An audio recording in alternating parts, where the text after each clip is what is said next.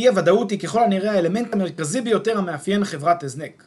כל בדיקה, התכוננות ולימוד לא מסוגלים להפוך את הבלתי צפוי לצפוי, והדבר גורם לאנשים רבים מצד אחד להישבר ולוותר על החלום, או מצד שני להישבות בקסמי שווא של אקזיט במיליארדים. אז מה עושים? איך ניתן להתמודד עם אי הוודאות לאורך הדרך? התשובות בפרק 22 של פודקאסט היזם.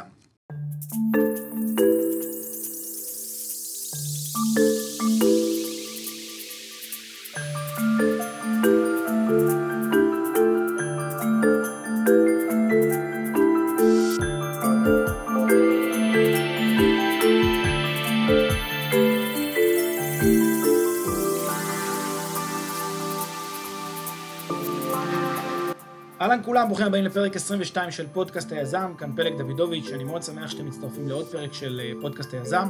לפני שנתחיל, אה, אשמח אה, להזמין אתכם כרגיל להצטרף לקהילת המאזינים של פודקאסט היזם בפייסבוק. חפשו פודקאסט היזם בשורת החיפוש, תצטרפו לקהילה, זה מקום טוב גם לדון, גם לפדבק את הפרקים. הייתי שמח לשמוע תגובות שלכם, רשמים, ולהעמיק דיונים בנוגע למה שאנחנו מדברים כאן בפרקים, אז אשמח שתצטרפו. היום אני רוצה לדבר על אלמנט אי הוודאות. שמאפיין מיזמים, מאפיין סטארט-אפים. אה, אני חושב שהוא המאפיין המרכזי ביותר, הבולט ביותר. כל סוגיית אי הוודאות מרחפת מעל המיזם, בשלביו הראשונים לפחות, כן? בצורה דרמטית, והיא באמת להיות או לחדול בשביל הרבה מאוד יזמים, בשביל הרבה מאוד שחקנים, לא רק היזם עצמו, הרבה מאוד שחקנים שמעורבים בתהליך, ולכן זה פרק עוצמתי, פרק משמעותי, אני חושב, שכדאי גם אה, אה, ככה להעביר לכל אה, יזם שנמצא בתהליך ומתלבט, איך יכול להיות שאני לא יודע, איך יכול להיות שיש לי ודאות, אה, מה אני יכול לעשות כדי למז, למזער, לה, להגדיל את הסיכוי שאני אדע ואוכל לצפות את העתיד. אה, אז אני מקווה שהפרק הזה ייתן ערך למי שבאמת ככה אה, נמצא בתהליך. אה, כדרכם, כדרכ, כדרכם של פרקים בפודקאסט, אני תמיד מתחיל ברקע. בפרק הזה אני אחר כך אמשיך לדבר על למה בכלל יש אי ודאות אה, ביזמות, למרות שזה נשמע לכאורה טריוויאלי. אחר כך אני אציג את אי הוודאות כחסם כניסה, ואני אסביר שהרבה מאוד אנשים נרתעים מעולם היזמות בגלל איזשהו חסם כניסה שיש אצלם, במקום שלהם, אה, ביחס לאלמנט הזה. אמ, אחר כך אני ארצה להתמודד עם כל אלה שאומרים שהם מצאו שיטה אה, להתעשר, או מצאו שיטה ככה אה, להצליח. האם ייתכן שאין להם אי ודאות? האם ייתכן שמה שהם אומרים הוא בעצם מעיד על כך שאפשר להגיע ל... ל, ל, לוודאות מקסימלית, אפילו שאנחנו חושבים אחרת, אז אני אדון גם בזה. אמ, אני, אני רוצה לדבר גם על ההשפעות השליליות של אי הוודאות, מה זה גורם בעצם ליזמים לאורך התהליך, אה, אולי ככה טיפה להרגיע ממקום מסוים, אה, אה, העובדה שיש עוד אנשים שחווים את אותו דבר, ובסופו של דבר אני אתן טכניקות שאני מאוד מאמין ואני מאמץ אותן להתמודד עם אי הוודאות, באופן שמגדיל את היכולת שלי לצפות דברים, אפילו שזה מעין פרדוקס במובן מסוים, וגם את זה אני אסביר לאורך הפרק. אז אה, נתחיל בהתחלה, נתחיל ברקע.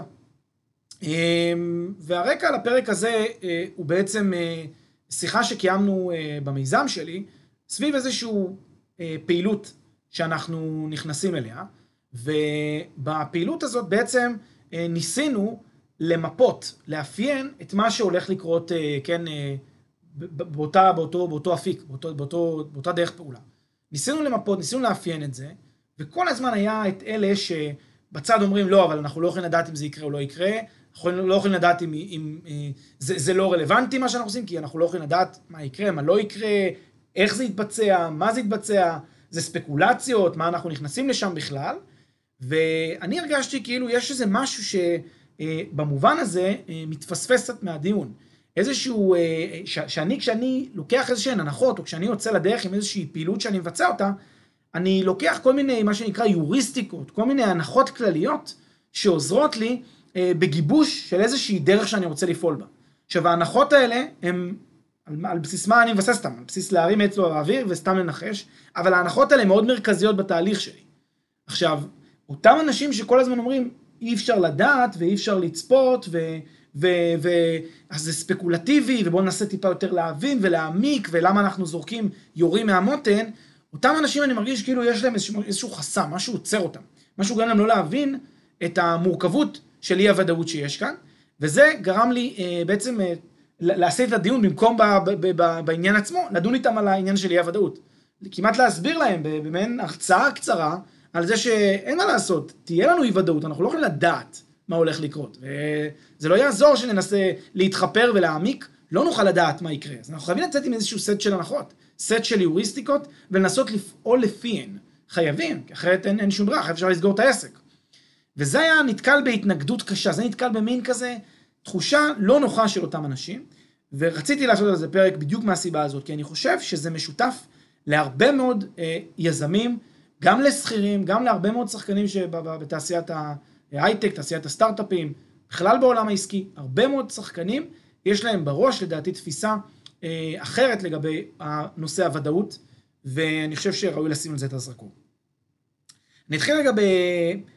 למה בעצם יש אי ודאות בעולם הזה, אה, ואני חושב שזה די מדבר בעד עצמו, אבל אולי אני אמשיג את זה בכל זאת, כן?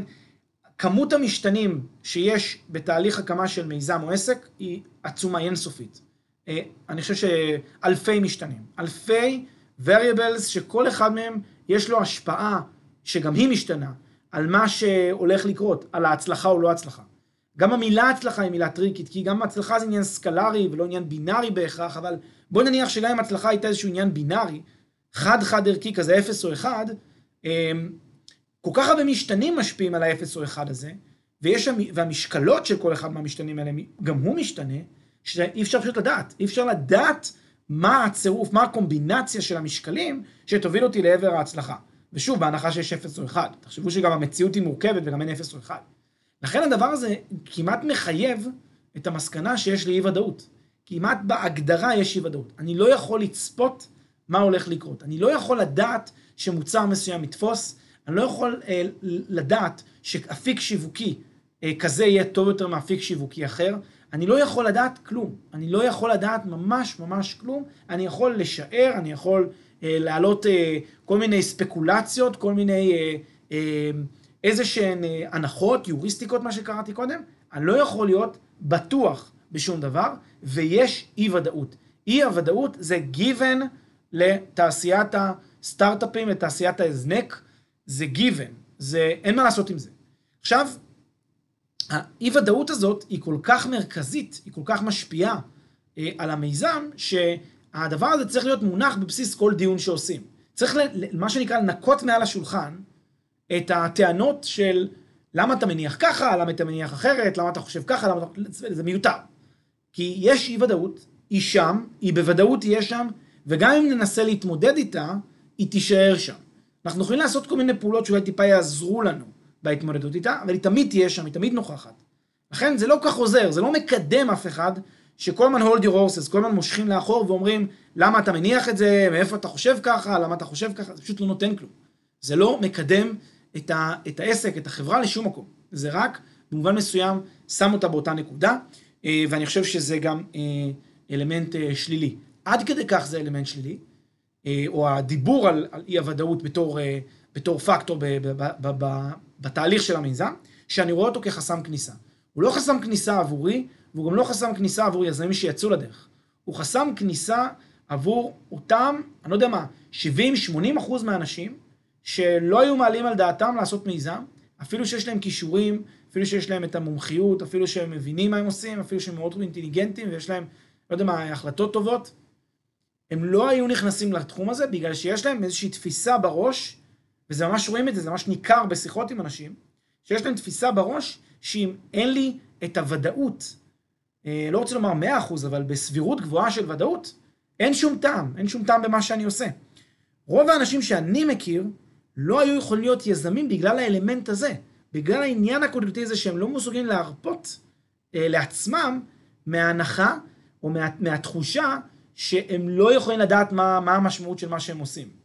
הרבה אנשים הם בתחושה כאילו אתה עושה משהו רק אם אתה יודע מה ה outcome הברור שלו. גם אם הוא לא 100% ברור, אז יש לו סבירות גבוהה שהוא יקרה. זה מה שמניע הרבה אנשים, זאת אומרת, זה מה שאנשים יעשו כשהם ילכו לעשות איזושהי פעילות, הם הם יעשו איזושהי קלקולציה שהם יגידו, טוב, יש לי, לא יודע, 80 אחוז, 90 אחוז סיכוי שאני יודע מה אני עושה.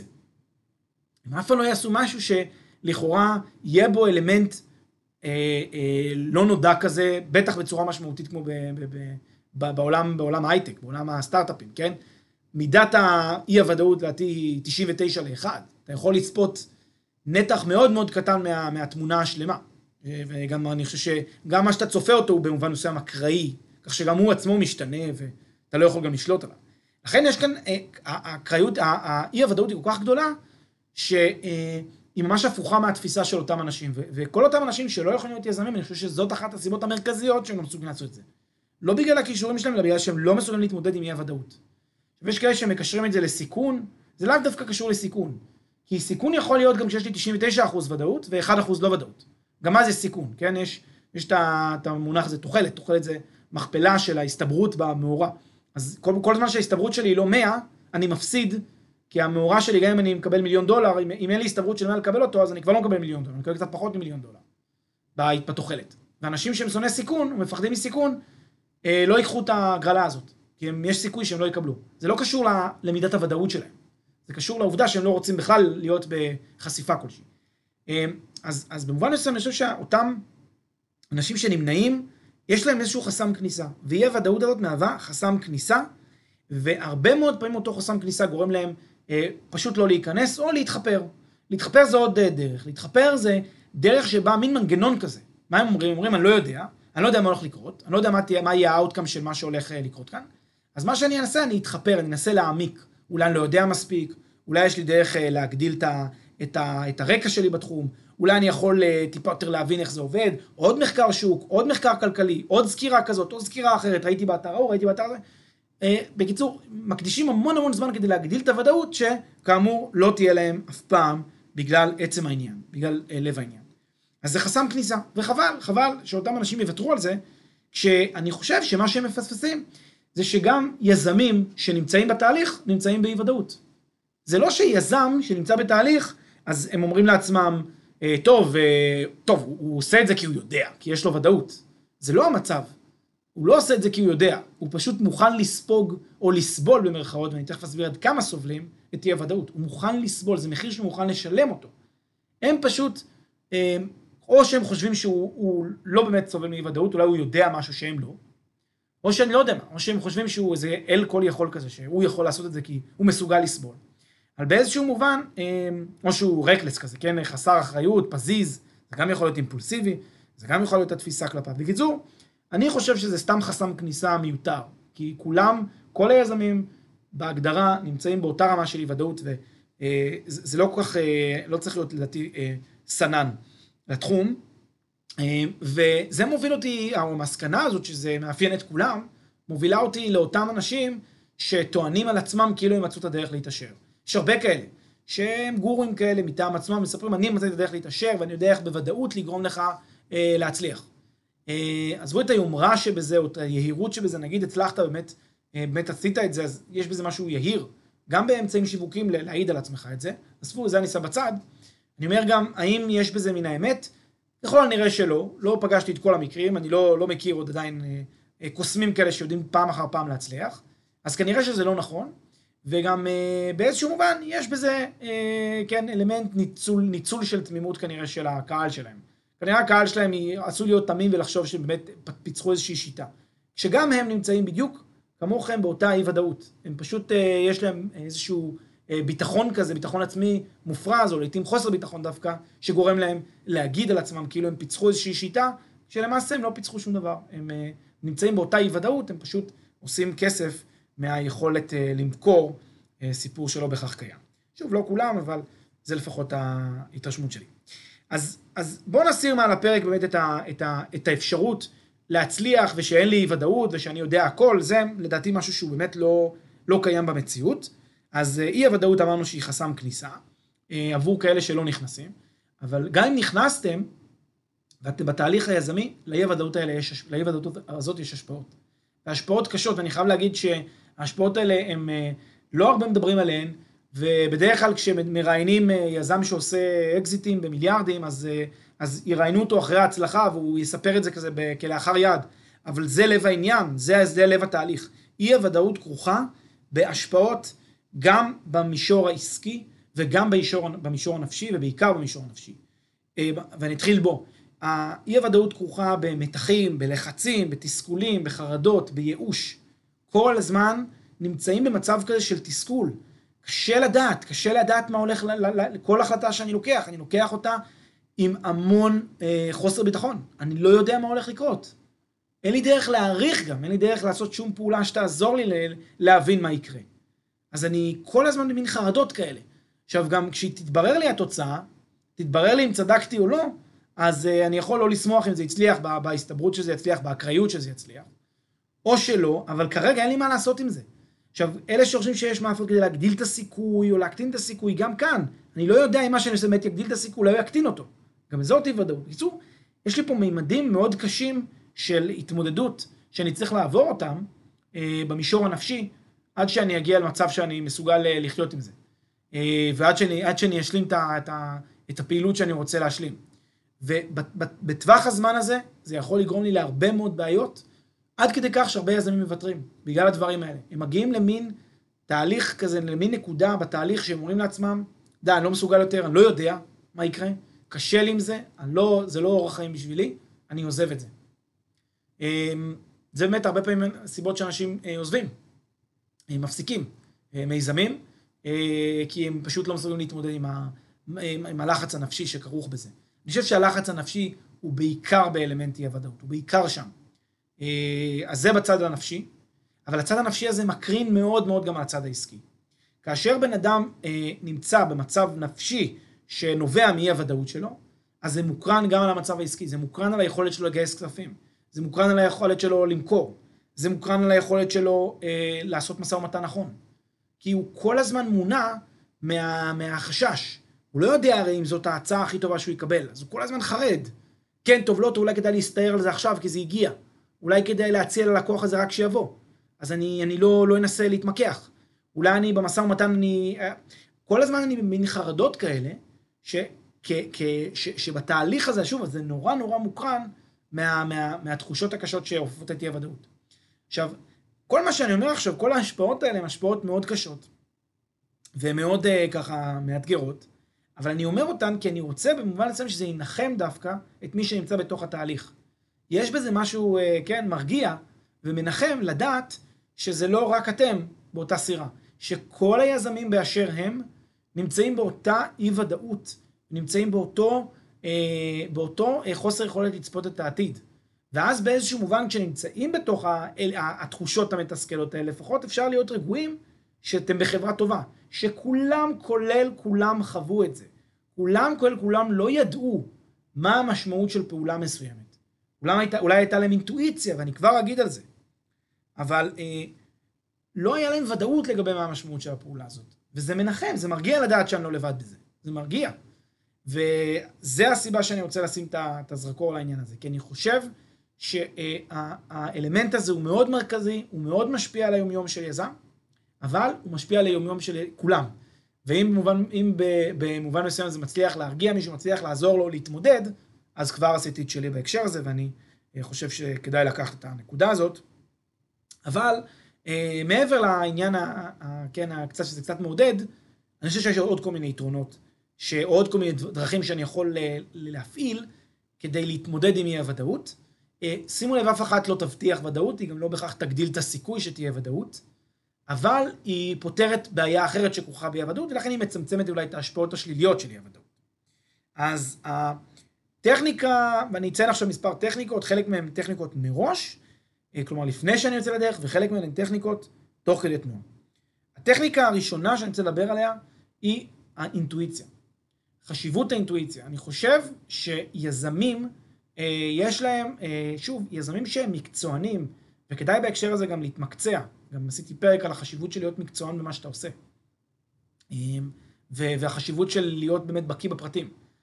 יזם, יזם או יזמת שיש להם איזושהי מקצוענות, שהם מבינים את המטריה, שהם מבינים את השדה, שהם מבינים את הקהל, שהם מבינים את התחום, שהם חיים אותו, שהם קוראים כתבות, שהם קוראים עיתונות, שהם נמצאים אה, ברשתות, שהם, אה, שהם חיים את זה יום-יום, יכולים לפתח אינטואיציה בריאה, שיכולה לפתח להם, דרך האינטואיציה הזאת, הם יכולים להגיע למצב שהם יודעים להתנבא קצת יותר טוב, קצת, ב... לא יודע מה, באחוזים בודדים, מעבר לפירס אה, שלהם, מעבר למתחרים שלהם.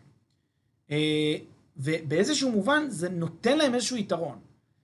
האינטואיציה היא כלי מאוד מאוד חשוב בעולם העסקי, ואני חושב שאינטואיציה היא אה, מצמצמת אי ודאות אה, בצורה אומנם חלקית, אבל היא מאוד חשובה, כי כל שבריר אחוז של צמצום אי ודאות אני יכול אה, אה, להישען עליו כמה שלפחות ייתן לי קצת יותר ביטחון במה שאני עושה. עכשיו הרעיון בלהקשיב לאינטואיציה זה שבעצם אני, אני, אני מפעיל איזושהי החלטה, אני לא יודע מה יהיה, אני לא יודע, אבל יש לי תחושת בטן. אני כאילו מרגיש שאם אני אפעל בדרך הזאת, נראה לי יותר סביר, יותר סביר שיקרה א' ולא ב'. וזה נראה לי יותר הגיוני לעשות ככה. ולפעמים קשה להסביר את זה, כי לפעמים בישיבות צוות אה, יגיע איזה עובד או תגיע עובדת ויגידו מה הם חושבים. יגידו לא, אני ממש, ממש לא מסכים איתך, אני ממש לא מסכים עם מה שאתה חושב. יתחיל ויכוח סוער בחדר, מי צודק, מי טועה, הוא חושב ככה, היא חושבת ככה, כל אחד יש לו את הדעות שלו וכל אחד בא עם המטען והערכים שלו והתפיסות עולם שלו, ובסוף אפשר להחליט, כי עכשיו אפשר להרים, להרים ידיים, לוותר, ללכת הביתה, חרדות, דאגות, או שאפשר להגיד, טוב, שמעתי את כל הדעות, בסוף יש לי אינטואיציה. בסוף אני חושב שככה יקרה, כי לא יודע למה, קשה לי להסביר, כי אני מכיר את השדה, אני יודע איך זה מתנהל, אני כל כך הרבה פעמים ראיתי שדברים נעשו ככה וזה הצליח, אז נראה לי שזה הכיוון. אז, אז פיתוח של אינטואיציה ועבודה עם אינטואיציה בריאה, ושוב, זה חייב להישען, לא אינטואיציה סתם, זה חייב להיות אינטואיציה שמבוססת על איזושהי היכרות מעמיקה עם השדה הרלוונטי. היכרות מעמיקה עם, ה, עם, ה, אה, עם התעשייה, לקרוא עיתונות רלוונטית, לעקוב אחרי מה שקורה, המגמות בשוק, להבין את הצרכים של השוק, מי הקהל שלי, מי הלקוחות שלי. זה לא מבטיח כלום, אל תשלו את עצמכם, אבל זה נותן קצת יותר. עוד איזה אה, שברי אחוז של אה, יותר ביטחון, יותר ידע, ובאופן כזה שקצת קצת קצת מקטין את אי הוודאות. אני חושב שזה גם מאוד מאוד חשוב. ואגב, יש גם שיגידו שהאינטואיציה הזאת לפחות בדיעבד, אם, אם העסק אה, כושל, לא מצליח כמו שציפיתי, לפחות אני יודע שעשיתי מה שאני מאמין בו, אה, וזה אולי גם קצת מרגיע אם לא, אם לא הצליח בסופו של דבר התהליך. אז זה, זה גישה ראשונה, זה דרך ראשונה להתגבר או להתמודד עם אה, אי הוודאות. דרך נוספת זה מיפוי תרחישים, עם או בלי דירוג שלהם. בסדר? מיפוי תרחישים יכולה להיות, או שאני עושה מיפוי של כל התרחישים, אני מיד אסביר מה הכוונה, עם הדירוג של התרחישים, כלומר עם ההסתברות שלהם, עם הסיכוי שהם יקרו, או שאני לא מדרג אותם. ושתי השיטות האלה, אני מוצא אותן כחשובות מאוד. נתחיל קודם כל בדירוג עם ההסתברות. מה זה אומר? אני בעצם אומר לעצמי, אוקיי, נגיד אני עכשיו רוצה, אני מפתח עכשיו מוצר ל... לא יודע מה, שואב אבק מיוחד, שהשואב אבק הזה, זה, אני רוצה למכור אותו, ואני חושב שאפשר אה, להשיק אותו ככה וככה, ולמכור אותו לסוג כזה של קהל, ולעשות קמפיין כזה וכזה. זה מה שאני חושב. עכשיו, אני לא יודע הרי אם באמת הקהל אה, יקבל את המוצר הזה, אם הוא ישתמש בו, אם הוא ייהנה ממנו, אם יקרה מה שאני חושב, אם רצף האירועים שאני צופה אה, שיקרה, או חושב שיקרה, הם באמת יקרו. יש לי אי ודאות. אז מה אני יכול לעשות? אני יכול לרשום אה, מה שעל דף, כן, או בראש, את כל התרחישים שיכולים לקרות, כן? תרחיש ראשון, אף אחד לא קנה אותו, קנו אותו כמה לקוחות בודדים, סתם אנשים קנו, חלק אפילו החזירו ליום מרוצים, זה תרחיש ראשון. תרחיש שני, קנו אותו, כמות סבירה של לקוחות כזה ראשונה בהתחלה, ולא התרומם, לא הצליח. אז אני אומר, אוקיי, אז יקנו אותו נגיד, לא יודע מה, אה, עשרה אחוז, חמישה אחוז מה, מהקהל המצומצם ממילא שחשבתי שיכולים לקנות. אפשרות שלישית זה שיקנו אותו קהל גדול, באמת אה, זה יהיה אה, מוצר רווחי, שצריך להכניס כסף, החברת ההשקעה תוחזר וכולי, זה התרחיש השלישי. התרחיש הרביעי זה שזה יתפוצץ, שזה יגיע למצב שכל העולם מדבר על זה, וזה, לא יודע מה, יצליח להגיע לפריים טיים, כולם ידברו על זה, זה נושא היום. עכשיו, כמובן שלי יש איזושהי הסתברות בראש, או איזושהי תפיסה, בנוגע לסיכויים של כל אחד מהדברים האלה. יכול להיות שיש לי, כן? אם יש לי אותה, את התפיסה הזאת, אז, אז אני יכול אה, פשוט להציב מספרים, להגיד, אוקיי, אני חושב, תראה, נראה לי שרוב הסיכויים שזה לא יהיה התרחיש הראשון הזה, שאף אחד לא יקנה. לא נראה לי שאנשים יהיו אדישים למוצר הזה. לא נראה לי שאף אחד לא יקנה אותו, נראה לי שאנשים כן יקנו אותו. אז בוא נגיד, עשרה אחוז סיכוי שזה יהיה התרחיש הראשון. אחר כך, אם, אם קצת יקנו אותו, וזה יהיה בסך הכל אה, משהו שקצת אה, קונים אותו בסך הכל, כמה בודדים, לא יודע מה, איקס אחוז מהלקוחות בודדים, זה נראה לי תרחיש כבר יותר סביר, אבל גם לא נראה לי שזה התרחיש הכי סביר. נראה לי שיהיה לזה יותר עניין. אז ניתן לזה 30 אחוז. ככה אני בונה בעצם את ההסתברות, הסיכוי של כל אחד מהתרחישים. עכשיו כאן ציינתי רק ארבעה תרחישים, כן, הסיפור הזה. יכול להיות 20, 20 אפשרויות, ובסדר, תעשו את זה על אקסל. תנו לזה הסתברות. עכשיו, מה שעוד אפשר לעשות, וגם זה כרעיון כללי, אפשר גם להתייעץ עם אנשים, לשאול אנשים, כן, בדיון. אם היית צריך רק להעריך את ההסתברות שיקרה הדבר הזה או הזה, תן לי רק את ההסתברות שזה יקרה. מה אתה חושב? מה אתה מעריך? אה, הוא יתחיל להתחפר, לא יודע, כן יודע, תן, מה אכפת לך? תן איזה מספר, מה אתה חושב שזה יקרה? ואז תוכלו לעשות איזשהו ממוצע של הדעות. בין אם מהדעה שלכם אתם תיתנו לה קצת יותר משקל, בין אם אחרות, אבל בסוף תיתנו ממוצע של הדעות. ותקבלו איזשהו רושם, איזשהו סנס כללי לגבי הדירוג, מה התרחיש ה-more likely, הכי סביר שיקרה מבין כל התרחישים. ואז תערכו אליו. אתם כבר קיבלתם רושם, עכשיו זה שוב, זה לא, לא פתר לכם את אי הוודאות, אתם עדיין, לא יודעים מה יקרה, אבל אתם לפחות יודעים מה יותר סביר שיקרה.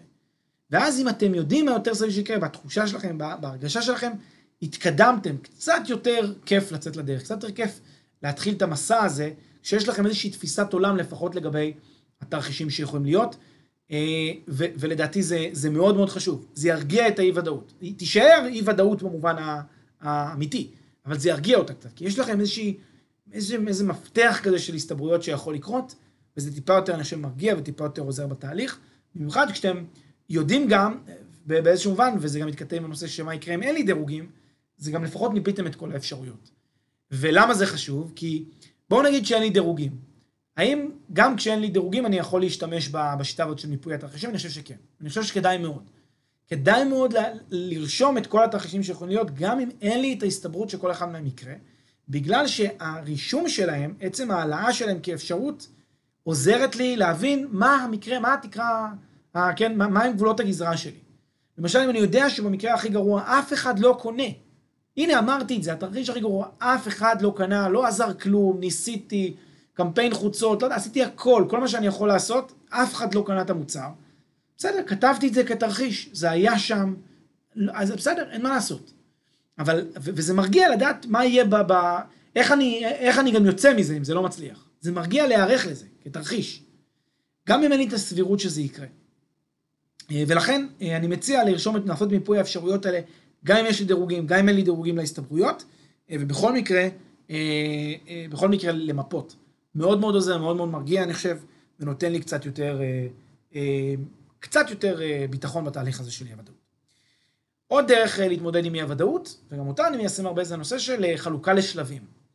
חלוקה לשלבים, זה אומר שאני בעצם, אם יש לי איזשהו מסע ארוך מאוד בתהליך הזה היזמי, מסע שייקח עכשיו, ולא יודע מה, חמש שנים, נגיד עד האקזיט, אז אני יכול לחלק את החמש שנים האלה למקטעים של שבוע, שבוע, ש... וכל שבוע להגדיר לעצמי איזושהי משימה. להגדיר לי איזשהו משהו ולהתמודד עם האי-ודאות ביחס אליה. לא לדבר עכשיו על מה יקרה ביום שה... שאני אעשה אקזיט, אם אני אגיע לשם. זה באמת אי-ודאות ענקית. אבל אם אני מחלק את זה להרבה מאוד שלבים, כל אחד מהם הוא קצר, אז אני אומר, בוא ננסה קודם כל לפתח את הדבר הבסיסי הזה, את הפיצ'ר הקטן הזה. יש לי ודאות איך זה יצא, יש לי ודאות אם זה יצליח, יש לי ודאות אם זה יקרה, אבל הרבה יותר מהר אני אפגוש את התשובה. עוד אה, שבועיים כבר יהיה לי תשובה, כי אפילו מחר בבוקר אני יכול לקבל תשובה, כי אני אשאל את הטכנולוג, אני אשאל אותו מה דעתו. ואז אני, כל פעם אני עושה לעצמי את, את אותם, את אותה חלוקה, את התתי שלבים, וכל פעם מחדש אני אצטרך להתייחס לאי ודאות רק למקטע קצר כזה. אז אני כאילו אמנם נמצא כל הזמן הזה באי ודאות ביחס לתוצאה הסופית, אבל כל פעם מקטעי אי ודאות קטנים אני כל הזמן משלים אותם. זה נורא נורא עוזר, כי זה באיזשהו מובן אני כל הזמן, אני כל הזמן עושה צעד לקראת זה, כל הזמן מתקרב לקראת היעד שלי, ובדרך יש לי גם הצלחות קטנות כאלה. בסוף זה יתברר כטוב, וזה יתברר כטוב, זה, זה גם מה שיפה, ב, ב, ב, ב, כן, בעולם היזמי יש המון הצלחות בדרך, תמיד. נכון שיש הרבה גם כישלונות, אבל גם יש המון הצלחות בדרך. זה הצליח כמו שתכננתי, זה הצליח כמו שקרה, וזה, זה, שוב, זה נותן drive. זה, זה, זה לא להצביע על איזושהי מטרה באופק ולהגיד אליה אני רוצה להגיע וזהו. אז במובן הזה אני חושב שזה מאוד מאוד חשוב, אה, וזה עוזר, החלוקה לשלבים. אז כדאי באמת לעבוד בשיטה הזאת. כל פעם שיש לי איזושהי ודאות לגבי התוצאה, בוא נגיד למה, למה לחכות, למה לחשוב על מה יקרה שם. בוא, בוא נחלק את זה לשלבים, קודם כל נעבור את השבוע הקרוב ונראה נראה איך אנחנו מתקדמים. אז, אז אלה היו טכניקות מראש אה, לכל מה שקשור להתמודדות עם אי הוודאות. יש לי גם הצעה לטכניקה אה, למה לעשות תוך כדי תנועה. אה, ואני חושב שזאת אה, טכניקה שכדאי ליישם אותה בכלל בעולם היזמי והעסקי. והיא לא רק קשורה לאי ודאות, היא קשורה גם לזה שתוצאות מתבררות לא כמו שחשבתי. כל הזמן כדאי להפעיל מחשבה סטגלנית ודינמית, ואז באיזשהו מובן לא לצפות לכלום. זאת אומרת, לא לעבוד לפי איזושהי אה, תפיסת עולם מחייבת. זוכרים את מיפוי התרחישים שדיברתי? אני ממפה את כל התרחישים. אין לי תרחיש שאני מאמין שהוא יקרה בוודאות וזהו, ואני הולך עליו. לא. הכל יכול לקרות, כל אחד מהתרחישים יכול לקרות, זה שיש לכל אחד הסתברות זה משהו אחר, אבל הכל יכול לקרות. גם בהסתברויות. גם אם יש משהו שיש לו הסתברות 1%, אז ב-1% מהמקרים הוא כן יקרה. גם אם הערכתי וצדקתי שהוא 1%. אז לכן הוא עדיין יכול לקרות. אז מה אם הסבירות שלו נמוכה? אה, ולכן אני חייב חשיבה סטגננית ודינמית, כזאת שלא נשענת אף פעם על איזושהי אפשרות אחת, או לא מעריכה שקיימת רק אפשרות אחת לפעול בה, אלא קיימת, קיימות אין סוף אפשרויות, או מרחב גדול של אפשרויות, ואני צריך להיות ערוך תמיד לעשות shifting, שינויים, התאמות כל הזמן. אחד הדברים הכי נפוצים בעולם, בעולם היזמות זה הסתגלנות והשינויים שהחברה עוברת. יש כל הזמן שינויים, כמעט אין שום קו ששומרים עליו בצורה עקבית וזהו. כל הזמן יש שינויים, כל הזמן דברים מתעדכנים ומשתנים, ואני חושב שאלו שידעו להיות סטגלנים, הם אלה שגם ידעו לעבור את, ה, את האתגרים של אי הוודאות. הם ידעו להתמודד עם זה. לא מראש, כי מראש אף אחד לא יכול להתמודד, אבל בדיעבד, או תוך כדי תנועה, כשהם יגלו שמשהו לא כמו שהם ציפו אותו, הם ידעו מהר מאוד לעשות את השיפט. מהר מאוד לשנות. ומהר מאוד לעזוב את, ה, את מה שלא עבד. מאוד מאוד חשוב, מאוד מאוד עוזר, ומכניס אותי מראש למשחק הזה של היזמות כאל משחק רב שלבי, משחק ארוך, ש, שהוא עליות וירידות, רכבת הרים, לא משהו שהוא, אה, שאני יכול לצפות לו, תרחיש כזה ברור, שאני הולך לפיו, זה לא לטפס על איזשהו הר, שאני רואה את, את כל הדרך מולי, אלא זה מין אה, פסגה כזאת אי שם באופק, שאני הולך לעבור המון המון המון הרים ו- ו- ונחלים, שאני עולה ויורד אה, עד שאני מגיע לאותה פסגה רחוקה, אם בכלל. יכול להיות שאני אפצע בדרך, יכול להיות שאני לא אצליח, אבל אני חייב להיות סטגלן, אני חייב אה, אה, לשמר דינמיות מחשבתית. זה יכול לעזור לי בהתמודדות עם אי הוודאות הזאת אה, לאורך התהליך, ואני חושב שזו שיטה מאוד מאוד חשובה, והיא גם מצדיקה דיון בפני עצמה, ופעם גם נעשה אותה. אה, אז, אז זה הרעיון של אי הוודאות. אני חושב שפרק מהסוג הזה, שוב, לא נועד, ל, ל, לא נועד אלא ל, ל, דווקא לנחם, להרגיע במובן מסוים את כל מי שככה חווה את התסכולים היזמיים היומיומיים, השעתיים שיש בעולם הזה. כל הזמן הלחץ הזה, החרדה, מה יהיה, אה, ולהבין שכולנו באותה סירה של אי ודאות, כולנו לא יודעים מה יקרה, צריך פשוט לעבוד, להיות בראש נכון, להיות עם, עם חשיבה נכונה, לסמוך על האינטואיציות, ליצור איזושהי, איזשהו מיפוי של כל האפשרויות ו, אה, ו, ולמפות אותם, להבין את הגבולות גזרה שלי, זה קצת יותר מרגיע אותי, לחלק את הדרך לתתי שלבים, טיפה יותר לק, לקצר את הזמנים בין נקודה לנקודה של אי ודאות, ו... כמובן להיות עם מחשבה כמה שיותר דינמית וסטגלנית, למקרה שדברים מתבררים אה, לא כמו שחשבתי, אז אני חושב שזה בהחלט, אה, בהחלט נקודות חשובות. אה, זהו, עד כאן אה, בכל מה שקשור לאי ודאות. אה, אשמח לשמוע תגובות, פידבקים על, הפרקים השונים של הפודקאסט בכלל, כולם. אה, אז מזמין אתכם להצטרף לקהילת המאזינים של פודקאסט היזם בפייסבוק, חפשו פודקאסט היזם, היזם, הצטרפו לקהילה. אשמח לראות אתכם שם. ועד אז, להתראות, תודה רבה על ההאזנה, ונשתמע בפרק הבא של פודקאסט הידע.